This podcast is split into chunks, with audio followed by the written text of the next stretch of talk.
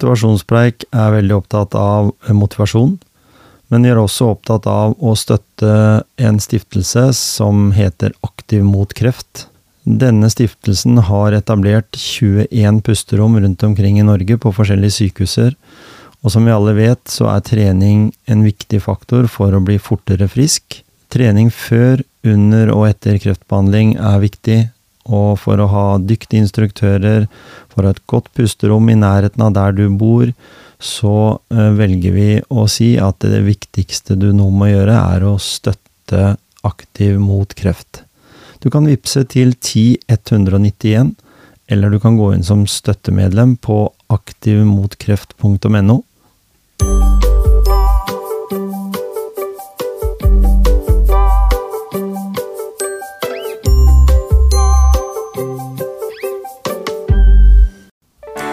Ja, velkommen til en ny episode i podkasten Motivasjonspreik.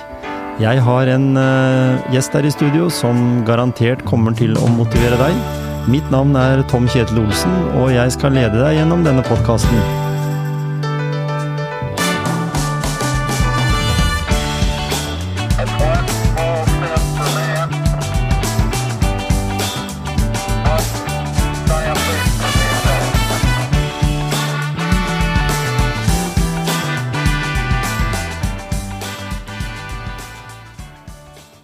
Da er eh, faktisk eh, Niklas Gunnarsson tilbake i motivasjonspreik. Nå er det etter episode 88. Ja. Det høres veldig lenge ut men siden, da, men det var ganske sånn i starten, faktisk. eh, Tror jeg ble lagt ut på nyttårsaften i 2021. Ja, det er noe skjedde. Veldig hyggelig at du kunne bli med igjen. Ja, takk for at jeg fikk være med. Og nå er du eh, litt lenger unna enn tidligere. Du har jo vært mye i Norden og ja, for så vidt i litt nedover i Europa òg, men de siste åra i hvert fall så har det vært mye i Norge og Sverige. Og nå, hvor er det du er nå? Nå er jeg i Sveits, Ja. så trives bra her eh, så langt. Så det er Mhm. fint. Ja. Og dere, du spiller i en klubb. Fortell litt om den, da. Om den, om den har noe å fare med sånn på norsk. Det er ingen som har hørt akkurat like mye som de har hørt om klubber i Norge, sikkert. Så, så har eh, det, Den heter altså Er det noe fransk? Juvedot Sport? Eller noe Ja, sånt? du sa det veldig bra der. Jeg gjorde det! Yes. Ja, du gjorde det. Kul. Jeg har aldri hatt fransk på skolen engang.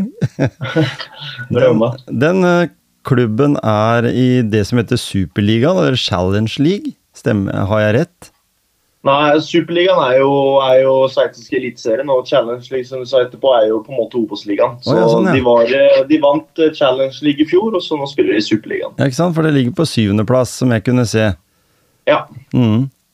Men hvordan er fotballen i Sveits, da? Nei, altså det er jo det er ikke noe tvil om at det er, det er høyt nivå. Det er vel eh, Jeg vet at denne ligaen her er ranka både høyere enn en norske og, og, og svenske. Så det er ikke noe tvil om at det er, eh, det er høyt nivå. Veldig høyt nivå individuelt. Um, litt mindre taktisk, kanskje.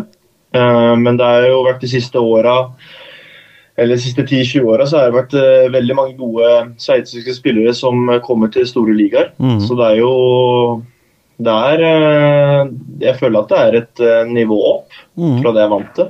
Men det har gått bra så langt Ja. for de tre kampene jeg har spilt. Hvordan er din spillestil, hvordan blir den tatt imot der nede? Liksom? Det er for du, du har jo en, en kjent altså Du har en sånn lidenskap for fotballen, du, som sikkert mange andre kolleger har da, men du, du gir jo liksom 100 i det du gjør, og, og på en måte er en sånn oppofrende spiller, som du har sagt tidligere, som, som fort motiverer eh, de yngre spillerne. Da, for nå Du er jo 91-modell, så du har jo spilt i mange år. Jeg begynner å bli en del år, Ja, Det gjør det. Eh, nei, Jeg har blitt henta først og fremst uh, pga. erfaring og uh, selvfølgelig rutine.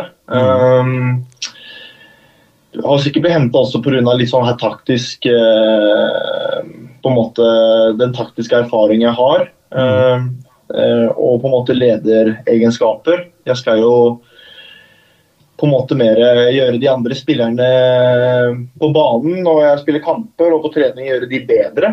Mm. Um, så det er på en måte derfor jeg har blitt henta. Um, Så nå er selvfølgelig språket litt vanskeligere. Jeg prater jo ikke fransk, ikke ennå. Så jeg går på, har jo franske leksjoner. Eh, litt, i hvert fall. Så håper jeg det blir mer og mer eh, nå eh, framover. Uh, men, eh, men det er jo egentlig derfor vi henta, da. For å liksom bruke erfaringene. Så har vi henta mange spillere, da. Det er jo ikke første spilleren som ble henta i år. Vi har jo, det er jo, klubben har jo gått ganske fort. Det ble kjøpt av eh, en, eh, en, eh, en mann fra et amerikansk firma, og så har han henta andre italienske eiere. Så de har jo spytta inn veldig mye penger inn i klubben. Klubben var, spilte vel på nivå tre for eh, noen år siden. Mm. Uh, og vi har vel henta nå 16 eller 17 nye spillere til denne sesongen her. Og vi har henta alt fra ja, landslagsspillere fra Kamerun, uh, Kroatia uh, Henta meg fra Norden. eh, og eh, veldig stor miks, og vi har veldig internasjonalt lag. Vi har ikke så mange sveitsere som kanskje er eh, mer vanlig. Eh, Så det er ikke noe tvil om at det er veldig sånn det er flerkulturelt. Eh, Så det er alltid spennende. Så vi er jo veldig mange spillere på trening nå. Jeg tror vi er eh, nesten 30 spillere, så det er alltid en god del som ikke får lov til å være med på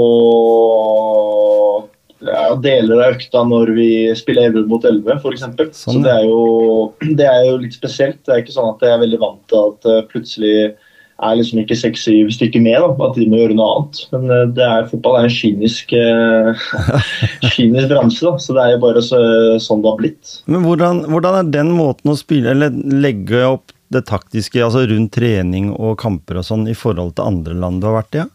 Kan du sammenligne noen av de andre landene, for du har jo vært Ja. i, i noen?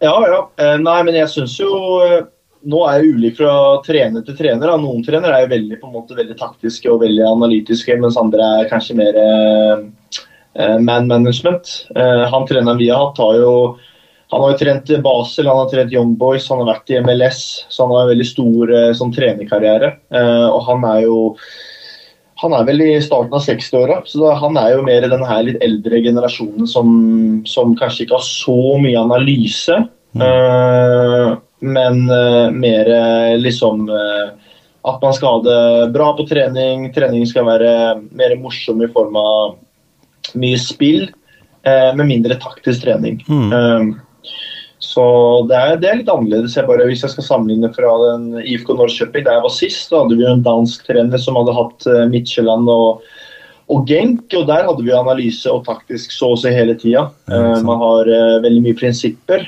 uh, veldig mye soneforsvar. Her er det mye mer mann-mann, eh, og uh, spille mer på de eh, individuelle ferdighetene. For vi har jo noen av de offensive spillerne vi har, er jo fra veldig store klubber. Vi har jo lånt midtbanespiller fra Liverpool som har eh, kontrakt der. Eh, Vi har lånt to spillere fra Juventus. Eh, Vi har henta en fra spanske La Liga eh, på lån. Vi har uh, henta en som vant Europa League i eh, afrikanske versjoner, som spiss. Som spiller fast på Algeries eh, landslag. Så det er ikke noe tvil om at uh, vi spiller veldig mye på det individuelle. Mm. At, uh, at det liksom ikke er så mye prinsipper. Selvfølgelig at man skal forsvare som en, uh, som en enhet, men eh, offensivt er veldig veldig fritt. Mm. Så det er litt annerledes, da. Ja, så det, blir, det er mye å ta tak i under kampene vi har spilt. eh. Det er, det er litt sånn som Norge, at det er veldig mye sånn fram og tilbake, mye tempo. Um, så det er eh, det man har sendt i kampene man har spilt. Ja. Men, men eh, Sveits har jo et veldig godt landslag også. Så De kjemper jo i toppen, og de har vel kanskje sånn totalt sett eh, resultatmessig bedre enn Norge på Ganske mye bedre enn Norge også de siste åra. Ja, altså nå, er Norge, nå har jo Norge to, eh, ja, spesielt én verdensstjerne. da. Så får vi satse på at Norge får samme effekt sånn som eh, Sverige hadde med når jeg hadde Zlatan eller når jeg hadde Henrik Larsen. altså Ja. Spille så kan på en måte vinne kamper for, eh, for et lag. da. Mm. Uh, men det er, ja, det er ikke noe tvil om at Sveits har vært uh, bedre enn både jeg vet ikke, Sverige og Norge i, Mm. når det gjelder VM og EM. De er Ja. vel alltid med et sluttspill. og og de har jo hatt store spillere. Så det er jo Det får satse på at Norge kommer litt eh, en gang. Og det ser jo ganske lyst ut nå, da, med tanke på så mye individuell kvalitet som har kommet opp nå de siste åra. Ja, for når du tenker sånn, Niklas, det, de åra du har eh, på baken da, i, i, fotball, eh, altså rundt, i forskjellige ligaer, da, så hvordan, hvordan, er det nå å være nordmann? Eh, fordi det er jo ikke tvil om at det å ha gode spillere i, i Premier League eller ute i Europa har litt å si for andre også. Det blir jo liksom lettere å si at ja, jeg heter Niklas, kommer fra Norge, liksom. Så å ja, du kommer fra det landet der Haaland og Ødegaard, liksom. Ja. Nei, det, altså, det, blir jo som en dominoeffekt. Altså, jo bedre, jo bedre på en måte fotballnasjonen gjør det, jo mer, mer, er man på en måte hva skal jeg si, kjent. da. Ja, ja. Altså Hvis jeg hadde vært fra et eh, la oss si Luxembourg eller Liechtenstein eller Estland eller Latvia, så er det jo sånn Man kan liksom ikke assosiere noen spillere med ja, altså fra de landene som er liksom store internasjonale spillere. Så det hjelper jo veldig at uh, at uh, man har spillere som er eh, på toppen. og Jeg tror sånn generelt at eh, Skandinavia har egentlig ganske godt rykte mm. uh, i fotball-Europa. Du vet liksom hva du får. Man får profesjonalitet, seriøsitet. Eh, man, man, får en viss form for stabilitet òg, så det er ikke noe tvil om at eh, det skandinaviske fotballen har et godt rykte rundt omkring i Europa. Mm. Så det er så jeg tror uansett om um, Hvis vi ikke hadde hatt de verdensstjernene som vi har nå, så tror jeg fortsatt at uh, Norge generelt eh, har såpass ja, gjort det såpass bra da, i form av at de har hatt masse Premier League-spill på 90-tallet. De har alltid hatt uh, noen Premier League-spillere eller Serie A-spillere eller La Liga-spillere som har vært liksom i, i større klubber. Mm. Um, så jeg tror at vi har et godt rykte uansett. Men selvfølgelig det er nå er jo Haaland skårer så å si hver eneste uke, så det er ikke noe tvil om at han, eh, at han, er, eh, han er, en spiller som vi snakka mye om. Mm. Uh, og det er jo sånn det er, bare. Men viktig, viktig, å få fram det også at det er mange andre gode spillere også som gjør det bra, som du sier, i, i klubbene, klubber rundt om i Europa, til og med i dag. Ja, ja, man, man ser jo Du har jo kolleger i de fleste. Ja.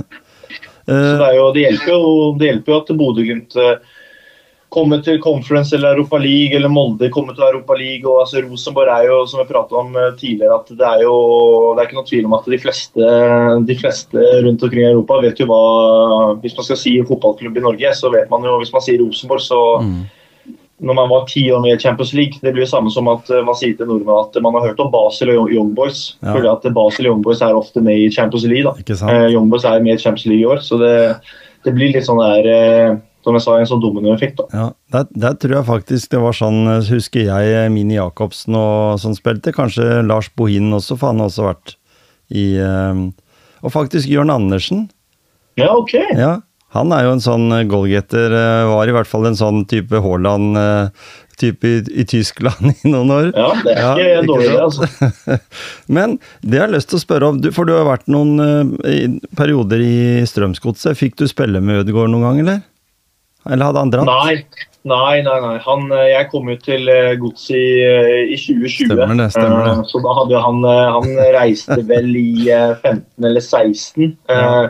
Jeg har spilt mot han to ganger når jeg spilte i Vålerenga, mm. men jeg har aldri jeg har aldri spilt med han på samme lag. Men er, det, men er han et fotballhue? Er han et sånn ja Man kunne se tydelig, tidlig, at han var eh, et, et ekstremt eh, stort talent. Jeg ja. tenker jo Hvis du spiller eliteserie når det er 16 år og du, og du, gjør det bra, liksom, så er det ikke mm. noe tvil om at du, du har en eh, du, du, kan i hvert fall få en, en, veldig veldig god karriere. og Han har jo bevist det at uh, han er en topp, topp, topp spiller. Så mm. han har fått en veldig veldig fin karriere. Du som, du som spiller eh, forsvarsspiller på laget.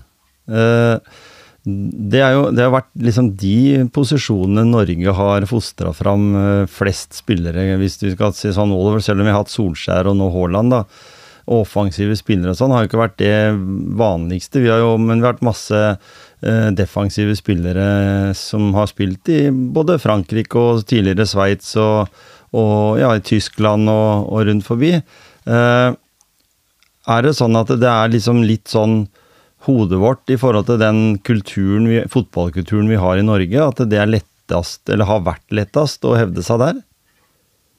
Jeg, jeg, tror nok at uh, på 80- og 90-tallet så var det jo at man skulle ha et bra kollektiv. da, At man skulle mm. forsvare seg godt som et lag. Uh, jeg tror jo da at uh, hvis man klarer å slipper lite mål, så blir jo ofte at forsvar, forsvarsspillerne får mye skryt. da. Ja. Eh, og så kanskje så har det blitt en forandring på det vel at man skal satse med denne kunstgress, kunstgressgenerasjonen. Mm. At man skal få fram eh, mer offensive spillere, og det har man gjort nå i ettertid. Nå er det jo veldig veldig mange offensive spillere som eh, kommer frem, og så kanskje litt mindre eh, defensive. Så mm. det er jo det er vel et, eh, Man har vel snakka om mye, mye i media at man, man ønsker liksom å ha Eh, spilletypene som jeg vet ikke, Erik Hoftun eller Rune Bratseth eller de som var gode offensivt, men mm. uh, som hadde sine styrker defensivt. da, mer ja. old school. Det, det, har man kanskje mis, eh, missa litt når, når, man spiller på kunstgress. for at når, når alt kommer til alt, altså Det jo, går mye fortere å spille på kunstgress, så man får liksom ikke det samme nærkampsspillet. og da hvis man aldri får trent på det verken på trening og, og sjelden til kamp, så, så, blir det vanskelig å bli god på det i ettertid. Det er jo mm. lettere det hvis man spiller på gress. Mm. Så det, det, er vel uh, noe man uh, tenker på nå framover, antar jeg. Jeg har ikke spurt deg om det, men hva liker du best sjøl? Nei, altså Jeg skulle ønske at jeg kunne vært en offensiv spiller. Det er mye gøyere. Ja. Uh, ha masse ball og, og drible, og det er det som er vanskeligst. Uh, men uh, nå har jeg vært forsvarsspiller i så mange år, så nå, nå trives jeg selvfølgelig med det. nå er det for seint. Ja, nå er det for seint. Jeg skal ikke prøve å satse på en ny eh, posisjon nå. Da, Nei, ikke sant. Jeg kan gjøre det, men da tror jeg jeg skal gå ned i uh, divisjonssystemet for å liksom på en måte hevde meg der. Altså. Ja. Uh, du er en sånn type, Niklas, som tør å satse. Fordi mange har jo liksom tenkt at hva er det han holder på med nå, liksom. Nå kan du skrive en kontrakt i et lag som du er i, og så har jo vi snakka sammen tidligere, og da har du valgt å, å prøve noe annet. Du er nysgjerrig på det, eller på en måte Jeg skjønner jo også det at en må tenke at det er jo jobben din. Så en må jo tenke at en skal jo ha en lønn på konto òg. Hva, hva, er viktig for deg? Som du kunne også sagt i forhold til andre spillere, hva er det som er viktig for en fotballspiller? Lønna selvsagt er viktig, men uh, hva, hva, hva, slags andre ting også? Nei, altså Hvis man tar vekk lønn og sånne ting, så er jo Jeg tenker sånn her at uh, jeg kunne sikkert hatt en karriere der jeg har vært i ett lag eller to lag, der jeg hadde spilt uh, ja, si 400-500-600 kamper da, det, i det laget. Og, og hatt, uh, hatt, det trygt og fint og vært på en måte i en komfortsone. Men så tenker jeg sånn ettertid at uh, man har kun én karriere. Og jeg kommer til å bo i Norge den dagen jeg er ferdig som, uh, som fotballspiller. Så da, hvis jeg har mulighet til å komme til nye land eller nye lag, så får jeg jo oppleve nye, en ny kultur. Mm. Få oppleve nye arenaer. Eh, andre eller ulike nivåer. Eh, jeg får et ekstremt kontaktnett. Som er egentlig bare fordel den dagen man skal begynne å jobbe. Og så er det liksom sånn her, det er begrensa hvor kult det er å spille på Lerkendal stadion eller Intility Arena 10-15 eh, ganger. Du kan spille én gang hvert eneste år. og mm. Når man har liksom spilt på de arenaene 7-8-9-10 ganger, så er liksom det, det er litt sånn kult å komme til nye arenaer. Nå skal vi jo spille nå uh, Nå har vi Basel hjemme om en uke. Uh, men så skal vi møte Young Boys, og de har jo en stadion på 30 000-40 000, og det har jo Basel også. Så det er jo det er kult å prøve noe helt nytt. da. Mm. Eh, lære seg nye språk er jo, er jo også fint. altså Kunnskap er makt. Mm. Så det er, jo, det er jo egentlig også en fordel. Så jeg tenker egentlig bare at uh, jeg har en karriere, men jeg kan på en måte Jeg skulle selvfølgelig ønske jeg kunne spilt i Premier League eller jeg skulle spilt fast i Serie A eller i, eller i Spania, men uh, det har jeg dessverre ikke klart. Så da må man jo på en måte tenke på at uh, greit, jeg kan kanskje ikke spille for de beste ligaene, men man får, man får mulighet f.eks. å komme til Sveits, som er ja, topp 12, topp 11 i ranka i Europa. Da. Så er det ikke noe tvil om at det er, liksom, det er en, i mine øyne en no-brainer å få en, lang, eh, en toårskontrakt her. Og, så, det, så, det, er egentlig veldig enkelt. og jeg bare tenker sånn, som jeg sa tidligere, at man får et ekstremt kontaktnett. og jeg jeg mener at eh, ja, si Hvis jeg hadde spilt i Odd hele livet, da, så hadde det vært kjempefint. det, for Odd er en fin klubb. og jeg er eh, oppvokst uh, i Telemark, uh, men da hadde jeg jo kanskje Da har jeg spilt med veldig få fotballspillere. Nå mm. har jeg liksom Jeg har tidligere spillerkollegaer som spiller Premier League. F.eks. John McGinn er jo kaptein i, i Aston Villa. Han var jo var jeg med kanskje to-tre ganger i uka. Vi har jo fortsatt kontakt. Jeg møtte mm. han f.eks. etter landskampen da Norge møtte Skottland. Jeg har kompiser som spiller i i Italia. Jeg har kompiser som spiller i, i, eh, i Spania, uh, i Frankrike. Så jeg mener jeg, den dagen når man er ferdig og plutselig skal gjøre noe annet, så har man et ekstremt nett. Da, et nettverk som man kan bruke. Da. Så det, jeg er veldig takknemlig for det. Det høres veldig, veldig, veldig sunt ut å, å, ha det, for det er jo i mange arbeidssammenheng så har du jo det. Du har ja. flere kollegaer gjennom livet ditt uh, i de fleste andre yrker enn akkurat fotball, ja. Ja, ja. Så, mm. Sånn er det. Så det er jo ja, de, de, Mine barndomsvenner kommer til alltid å ha.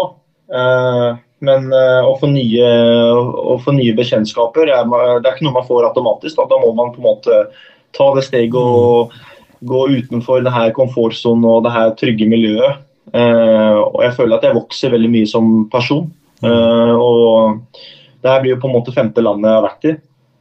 Så det er ikke noe tvil om at min livserfaring er jo eh, altså, i mine øyne ekstremt mye mer enn personer som kun Og det er ikke noe feil å bo på samme sted hele livet, men eh, livserfaringa mi er jo man har liksom mer eh, erfaring i form av at man kan sammenligne med ting, da, istedenfor ja. at man har vært i en trygg sone hele livet. Ikke sant. Og da, da er, Du har helt sikkert tatt igjen faren din på antall bekjentskaper i fotballen, kanskje? Nei, jeg tror jeg er umulig å slå han. Altså, det, det, nettet, det nettet farsan har, det, ja. ja, det er sinnssykt. Så det, der han, han, har et nettverk som er mye høyere enn den hylla jeg har. Altså, mm. Han har jo Altså, nå begynner jo pappa å bli eh, godt voksen, eh, men eh, de personlighetene jeg har møtt med han, det da snakker man eh, topp topp av verdenseliten. Så det er eh, så bra nettverk har jeg ikke. Kanskje i framtida, men eh, ikke ja. nå.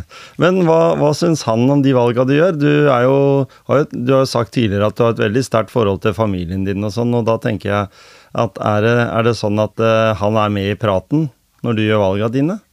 Ja, ja. Jeg prater jo med pappa nesten hver eneste dag, så det er ikke noe tvil om at uh, at han er alltid involvert. Han hadde jo ikke noe med denne overgangen her å gjøre. Um, så jeg prata selvfølgelig med han og mm. kasta litt ball. Um, men han syns jo at jeg skal Han syns jeg valgte helt rett. Mm. Um, det å nå, Jeg signerte jo ny kontrakt med Norrköping, og så uka etterpå jeg bytta jeg klubb. da. Så ja. det er jo det er, men, men, sånn er fotballen. Mm. Men, uh, men det er ikke noe tvil om at uh, altså Når man er på min alder, da, når man er 32, nå har det blitt veldig sånn i Norge at man kun skal ha unge spillere. Mm.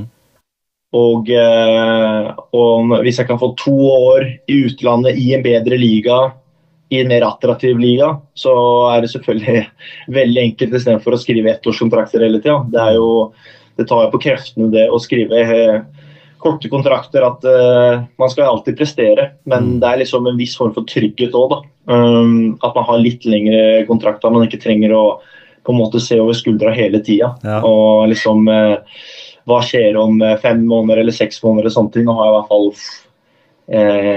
litt mer behagelig. Da. Mm. Jeg, jeg, har lyst til å spørre allikevel, da. Hvor er Niklas om ti år?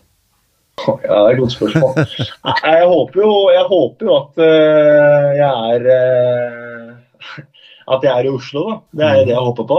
At uh, jeg har hatt en lang og fin, uh, innholdsrik karriere, og at, uh, at, det har gitt meg en viss form for trygghet. At jeg ikke behøver å jobbe hver eneste dag. At jeg har en frihet at jeg kanskje har tre dager fri hver eneste uke. Mm. og så at, at man har det fint og man har en, etablert seg en familie. Så det er vel det som er ambisjonene om ti år. Mm. Og når du snakker om dette her med å, å, spille fotball, så har jo du har jo brukt helgene dine til fotball i, i et langt liv. da. For, for jeg må jo si det at det, eh, med din karriere Du sier du har vært i fem land, eh, du har spilt i mange forskjellige klubber, og det er stort sett matcher i helgene. Ja. Så du har et litt annet forhold til ja. eh, ja, altså jeg jeg vet ikke om jeg har lyst til å jobbe med fotball i, uh, den dagen jeg på en måte legger skoa på hylla. Uh, jeg tror ikke jeg har lyst til å bli en trener. Det tror jeg ikke har lyst til å bli. Uh, jeg vil gjerne ha litt frihet, at jeg kan ha kanskje fri lørdag og søndag ja. litt oftere enn hva jeg har nå. Så, men det er jo en av grunnene til at jeg har valgt å studere ved siden av. Jeg studerer jo nå, så nå er jeg på mitt femte år. Så da har jeg i hvert fall flere valg. da. Hvis jeg mm. ikke hadde studert noe, så hadde det kanskje vært uh, veldig naturlig å bare gått inn i fotballen. og derfor Da har man allerede et bein innafor.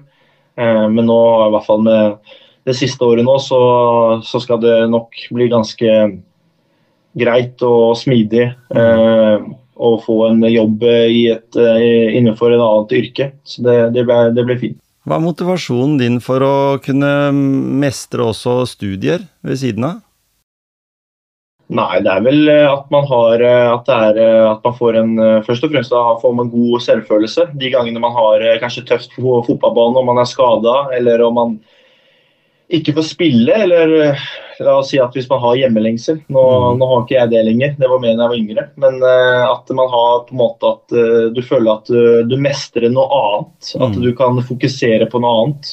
Så det er vel en av grunnene til at at jeg studerer ved siden av fotballen. Mm. Uh, og samtidig at da jeg var yngre, så likte jeg Jeg gikk jo på toppidrettsutdannelse i Telemark og hadde utrolig fint der. Så jeg har alltid likt skole, liksom. Mm. Uh, så er det selvfølgelig veldig annerledes å ha selvstudie og, og gå alt online. da. Uh, med alt eksamener og alle forelesninger. Det er liksom ikke så sosialt og morsomt. Men uh, jeg føler i hvert fall at det, det gir meg en veldig god plattform for framtida. Mm. At det ikke skal være den dagen jeg legger opp at jeg liksom føler jeg ikke har noe. da. Det jeg føler jeg er så lett å si for uh, mange fotballspillere at ja, men jeg spiller fotball, så jeg har ikke tid til skole. og det, I mine øyne så er på en måte det det er bullshit. Ja. Uh, men, men folk er forskjellige. Men det er selvfølgelig tøft å, å man er jo på en måte 24-7-utøver i form av at man skal fokusere, spise rett, sove alt det der. Men man har alltid tid til å ha én til tre timer skole eh, hver eneste dag. Liksom. Det, det, tror ikke jeg skal være Det handler egentlig om hva man har lyst til å gjøre. Det Istedenfor å jeg vet ikke, For de som spiller mye PlayStation eller for de som sitter eh, på mobilen og ser på TikTok eller er på Instagram hele tida, da det går noen timer i det òg. Så, så man, man, må egentlig velge hva man eh, føler er best for eh, seg selv. Mm, jeg har snakka med andre fotballspillere også, og det er veldig mange som heier på det, dette her toppidrettskonseptet. type sånne det er, jo, det er, jo, forskjellige akademier rundt forbi også. En kan jo nesten kalle Telemark toppidrett for et slags akademi, for de rekrutterer mye bra spillere til uh, Odd spesielt, men også til mm. andre klubber rundt omkring.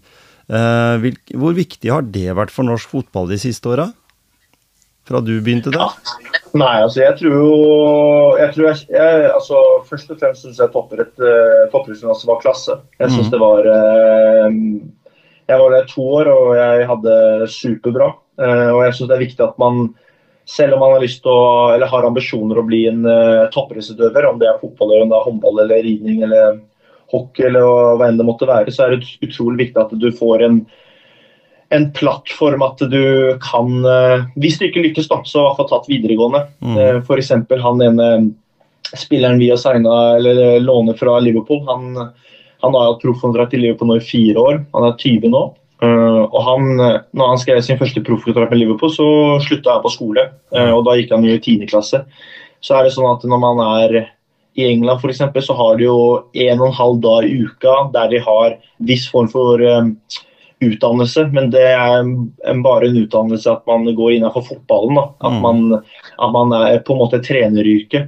Uh, så det er ikke noen tvil om at hvis, hvis han hadde rykket korsbåndet da han var 18 år og, eh, og uh, ikke fikk en ny kontrakt i Liverpool, selvfølgelig så får han kommer til å spille minimum League One eller Championship hvis ikke han er god nok for å spille i Liverpool. Så så har han i hvert fall noe å falle tilbake på. da, mm. Istedenfor å være 20 eller 23 år og så plutselig har det ingenting og så må gå om videregående. liksom. Det er ikke så kult det å, å begynne å ta opp fag på videregående. og tror, ikke det, jeg tror ikke det er så kult. da, og Da blir det mer at man kanskje velger andre ting. og det, Noen er jo flinke og får en, en jobb med en gang, mens andre kanskje begynner at, uh, at de gjør uh, ting som er mer ulovlig. Ja. Så det er jo det er veldig det er, eh, så jeg tror det er veldig viktig med toppidrettsutdannelse at du får både en, en, god form for læring å være toppidrettsutøver, men samtidig også får utdannelse ved siden av. Ikke sant. Vi har fått et nærere forhold til Sveits. De siste halve året så har jo mange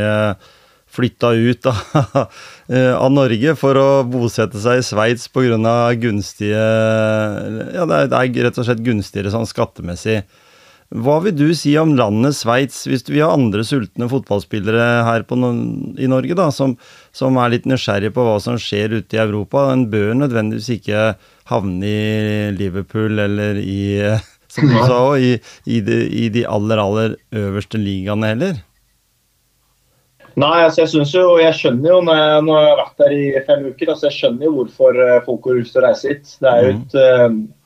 Ja, det er et utrolig vakkert land. Det er mm. egentlig ganske likt Norge, utenom at det er jo ikke et åpent hav her. Men det er masse innkjør. Jeg bor rett ved Lausanne og Genéve, så det er jo ikke, det er ikke noen dårlige byer, det. Nei. Um, nei, det, det, er veldig fint der. Er, naturen er utrolig fin. Uh, så hvis man er glad i hiking og sånne saker, så er det jo en god del uh, fjelltopper som mm. er, uh, som er fine å bestige. Men det er veldig, det er veldig fint land. Veldig trygt. Det merker jeg veldig. Det er liksom ikke noe Jeg føler aldri at Jeg var mer redd når jeg gikk alene i, i gaten i Palermo, for ja, å si det sånn. Det er veldig rent der. Det er veldig Og da tenker jeg mer at hvis man, er, hvis man kjører bil eller man går eh, eh, i byen. At det er liksom ikke noe søppel, eh, søppel rundt omkring. Det er eh, ekstrem eh, struktur her. Eh, man merker at uh, sveitsere har et veldig, veldig godt liv. så jeg skjønner jo hvorfor at mange milliardærer har lyst til å reise hit. Mm. Det, er frykt, det er veldig dyrt der. Da. Jeg tenker bare at jeg trodde at Oslo var en dyr by, men jeg tenker på hvor mye det koster å drikke kaffe her eller å spise. det nå har plutselig Oslo blitt veldig, veldig billig. Ja. Så selv om det er et, eh, et, skattegunstig land, så er alt mye dyrere, da. Mm. Det, altså, prisnivået her er mye høyere. Ja. Um, så det er liksom Ja, man har lavere skatt, men det, det, meste er mye dyrere å gjøre, da. Og du er jo en person som er glad i kafélivet, du? Nei, jeg, altså nå jeg, jeg, må innrømme nå at nå har jeg, jeg vært ja, Fra 28. mars, når jeg gikk til IFK Norrköping, så har jeg vært tre måneder på hotell. da. Ja, ikke sant? Fram til nå. Så, ja. Så, jeg har jo ikke Jeg tror jeg har spist Dessverre, jeg som liker eh, å spise husmannskost. Jeg, jeg, tror jeg har spist på restaurant så å si hver eneste dag siden 28., utenom da jeg var hjemme i Oslo og møtte mor og far. Mm. Så jo, nå begynner jeg å bli skikkelig lei å, spise ute. Uh, eller å spise på hotellet. Så det er liksom Jeg prøver å Når jeg får den nye leiligheten min, så skal jeg bli mye flinkere på å lage mat. Ja. Så det skal ikke bli så mye kafétid da. Altså. Blir litt lei av hotellrom? Ja, det er ikke noe tvil om at det er jo Selv om jeg har fått et eh, relativt eh, fint og stort hotellrom her, så, så gleder jeg meg til å ha en egen leilighet der jeg på en måte kan slappe mer av. Mm. Det, jeg sitter for det meste her, eller sitter i en lounge som er eh, rett ved siden av meg her, eller ligger i senga. Så det er liksom Det er ikke så big, liksom. I hvert fall ikke så mange uker som jeg sitter i nå. Så det ser fram til å ha noe eget. Da blir det store fotballkamper framover, da. Med lag som uh, trekker uh, bra med folk? Ja, det, det, det blir det. Det er, det er, en veldig jevn liga. Det er bare tolv lag i, mm. i, serien, så jeg føler liksom sånn at det er liksom ikke et lag jeg føler at er enkelt. Du, du, har liksom Servett, de spilte jo Europa League i, i, fjor. Du har Lugano, som er i Europa League i år. Young mm. Boys. Du har Basel. Du har Grasshoppers. Du har Zurich. Det er liksom sånne store Veld, altså veldig store lag da, her i Sveits. Ja, så jeg tenker for en ung eh, som du spurte i sted, med en ung fotballspiller å komme hit, så, så, er det jo Hvis du kan være ung og spille på det nivået her, og du spiller 30-40-50 kamper, så, så er jo neste steg at du går til en enda bedre liga. Så det, jo, det burde være en liga som, som, er veldig attraktiv for eh, yngre norske spillere. Mm. Jeg har jo snakka med Sondre Rossbakk, som du kjenner sikkert fra ja. også. Uh, og han også sa det at han var overraska over når han kom til Sverige nå, og der har jo du vært uh, også tidligere. Eh, at det var egentlig ganske bra trøkk på tribunen. Det var liksom mye mennesker og, og sånt. Noe mer enn kanskje det som kommer fram i Norge, da. At Norge på en måte er en På Odd f.eks. så er det 6000, da. 7000 tilskuere. Det kunne fort være det du kom på en kamp der det var 20-25. Hvordan, er det- hvordan er det der nede i Sveits? Eh, ja, nå har jo Jeg har spilt bare tre kamper, da, men den ene bortekampen vi hadde, så var det jo fullsatt. da, Den arena tok eh, 10 000-12 000, Mm. uh, og den var jo fullsatt. Uh, jeg vet jeg tror ikke det er samme trøkk som det er i, som det er i Sverige. Sverige er Altså Hvis man skal gi karakter på på fans i Sverige så er det som at du er på en Premier League-kamp. Ja. Det er liksom Nivået er så som så, men eh, fansen er Premier League-nivå. Mm. Du, det er som vi så, eh, Når du prater med Sondre, hvis du spiller borte mot AIK eller du spiller borte mot Djurgården eller Hammarby eller, eller Norrköping eller Malmö, så er det jo ja, lett over 18 000-20 000. Mm. Altså AIK, du har, da er det opp til 50 000 hvis du kan ha de store derbykampene. Så det er liksom det er, Der eh, i Sverige er Altså Fansen der er, det er helt sinnssykt, hvis man skal liksom sammenligne med Skandinavia. Jeg tror ikke jeg får eh, det samme her. Eh, jeg, før jeg signa her, så ringte jeg jo Kim Kjellstrøm, som jeg spilte med i Djurgården. og Han spilte jo her i Grasshoppers etter han kom fra Arsenal. Mm. Og, eh, og han sa jo akkurat sånn som du spør om her, at det er liksom Det er ikke samme trøkken når det gjelder eh, tribunekultur da, her i Sveits som det er i Sverige. Men jeg antar at det er på sikkert mer enn hva det er i Norge. Det er jeg ganske sikker på. Ja. Men uh, det er ikke sånn som det er i Sverige, nei. Norge har et stort potensial, og vi har vel litt for lett tilgang til alle ligaene gjennom uh, x antall uh, TV-kanaler, vil jeg tro. Ja, men det, jeg, tror, jeg tror svensken også har det. altså. Ja, det ikke sant? på Sverige Norge. Jeg tror egentlig de som jobber med produktet Allsvenskan, Mm. gjør det bedre enn eh, enn, Eliteserien. Og så Mm. har man jo man har her, de her Stockholmslagene som, Ja, skaper, eh, som gjør at det blir et ekstremt rabalder. Mm. Um, så der har de, vært, de har egentlig bare vært flinkere. For det, er, det burde jo være Man ser f.eks. på Vålerenga. Mm. Eh, Det er bor ganske mange mennesker i, i Oslo. Det burde, burde være 15 000 hver eneste hjemmekamp. Det er det ikke. Det er en god del mennesker i Telemark òg, så det burde også kunne være mer enn 6000 på, på hjemmekampene til, eh, til Odd. Men ja, man er litt sånn bortskjemt i Norge. da. Man skal være på hytta, man skal, skal sammenligne fotball med, med, eh, med, med ski. Så det er liksom, eh, da blir det vanskelig. da. Hvis Ja. man skal sammenligne en idrett der man er verdenseliten, og en annen idrett der man ikke er i nærheten av Nei, verdenseliten. ikke sant? Og det han sa til meg, var jo det at det var eh, like mange folk på kampene som det det var beboere her nesten i den, eh, den plassen. Det var ikke så store plassen, men det var sikkert Nei, er mange. Nesten alle var på kamp. Ja, ja, men det er, Degerfors er, det er rart, det der. Derfor, eh, Degerfors er jo ikke noe, det er ikke noe by, det er et tettsted. Ja, ikke sant? Så jeg spilte jo, jeg spilte jo begge kampene eh, mot eh, Sondre i år. Mm. Eh, og når vi spilte borte på Degerfors, så tror jeg det var Ja, det var vel ja, 5000-7000 på kamp. Mm. Det, den stadion tar vel ikke så mye mer. Nei. Så det er, det er sterkt det på et så lite sted. Mm. Så det er eh, er, eh, man, merk, man merket at, at det er en viss stolthet i det, det lille stedet at man har et lag i Allsvenskan. Mm. Nå, nå mot slutten tenkte jeg ville spørre deg, hvordan er hverdagen din nå? Du sier du bor jo på hotell og du spiser på restaurant, men, men hvordan er opplegget gjennom en uke med trening og, og kamper? Eh, nå har vi bare hatt én kamp i uka, så, og de har oftest vært på lørdager. Vi spiller ny kamp i morgen, eh, men da vi får alltid skjema på søndag, så det er veldig sånn eh, strukturelt at du, du vet akkurat hva du skal gjøre hver eneste uke. Og da er det at vi har eh, oppmøte kvart over ni. Eh, vi trener halv elleve til eh, ja, tolv-halv ett. Så etter det så er det nesten obligatorisk å få enten massasje eller behandling av, fysio. Og så er man egentlig ferdig første dagen. Andre dagen er ofte to økter. Eller på tirsdager. Det er to økter på onsdager. Det er én økt på torsdag. Én økt på fredag, og så er det kamp på lørdag. Mm. Eh, så det er vel egentlig veldig enkelt forklart eh, opplegget. Ja, så er det fri søndag, da.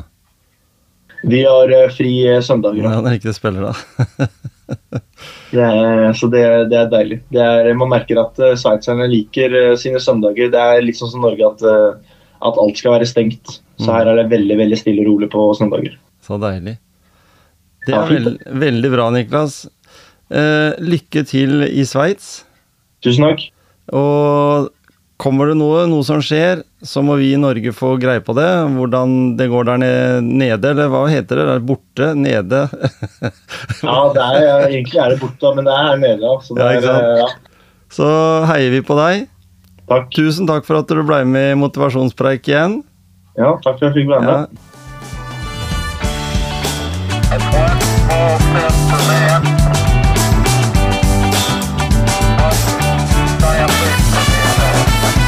Takk for at du lytter på podkasten Motivasjonspreik. En ny episode er over, men en ny episode kommer igjen om en uke. Takk for meg.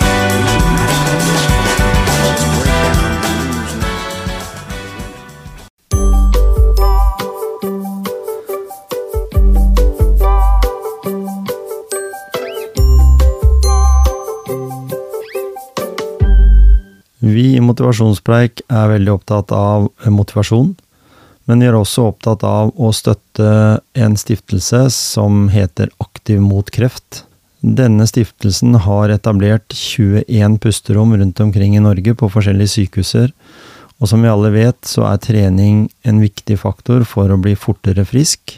Trening før, under og etter kreftbehandling er viktig, og for å ha dyktige instruktører, for å ha et godt pusterom i nærheten av der du bor, så eh, velger vi å si at det viktigste du nå må gjøre, er å støtte Aktiv mot kreft. Du kan vippse til 10191, eller du kan gå inn som støttemedlem på aktivmotkreft.no.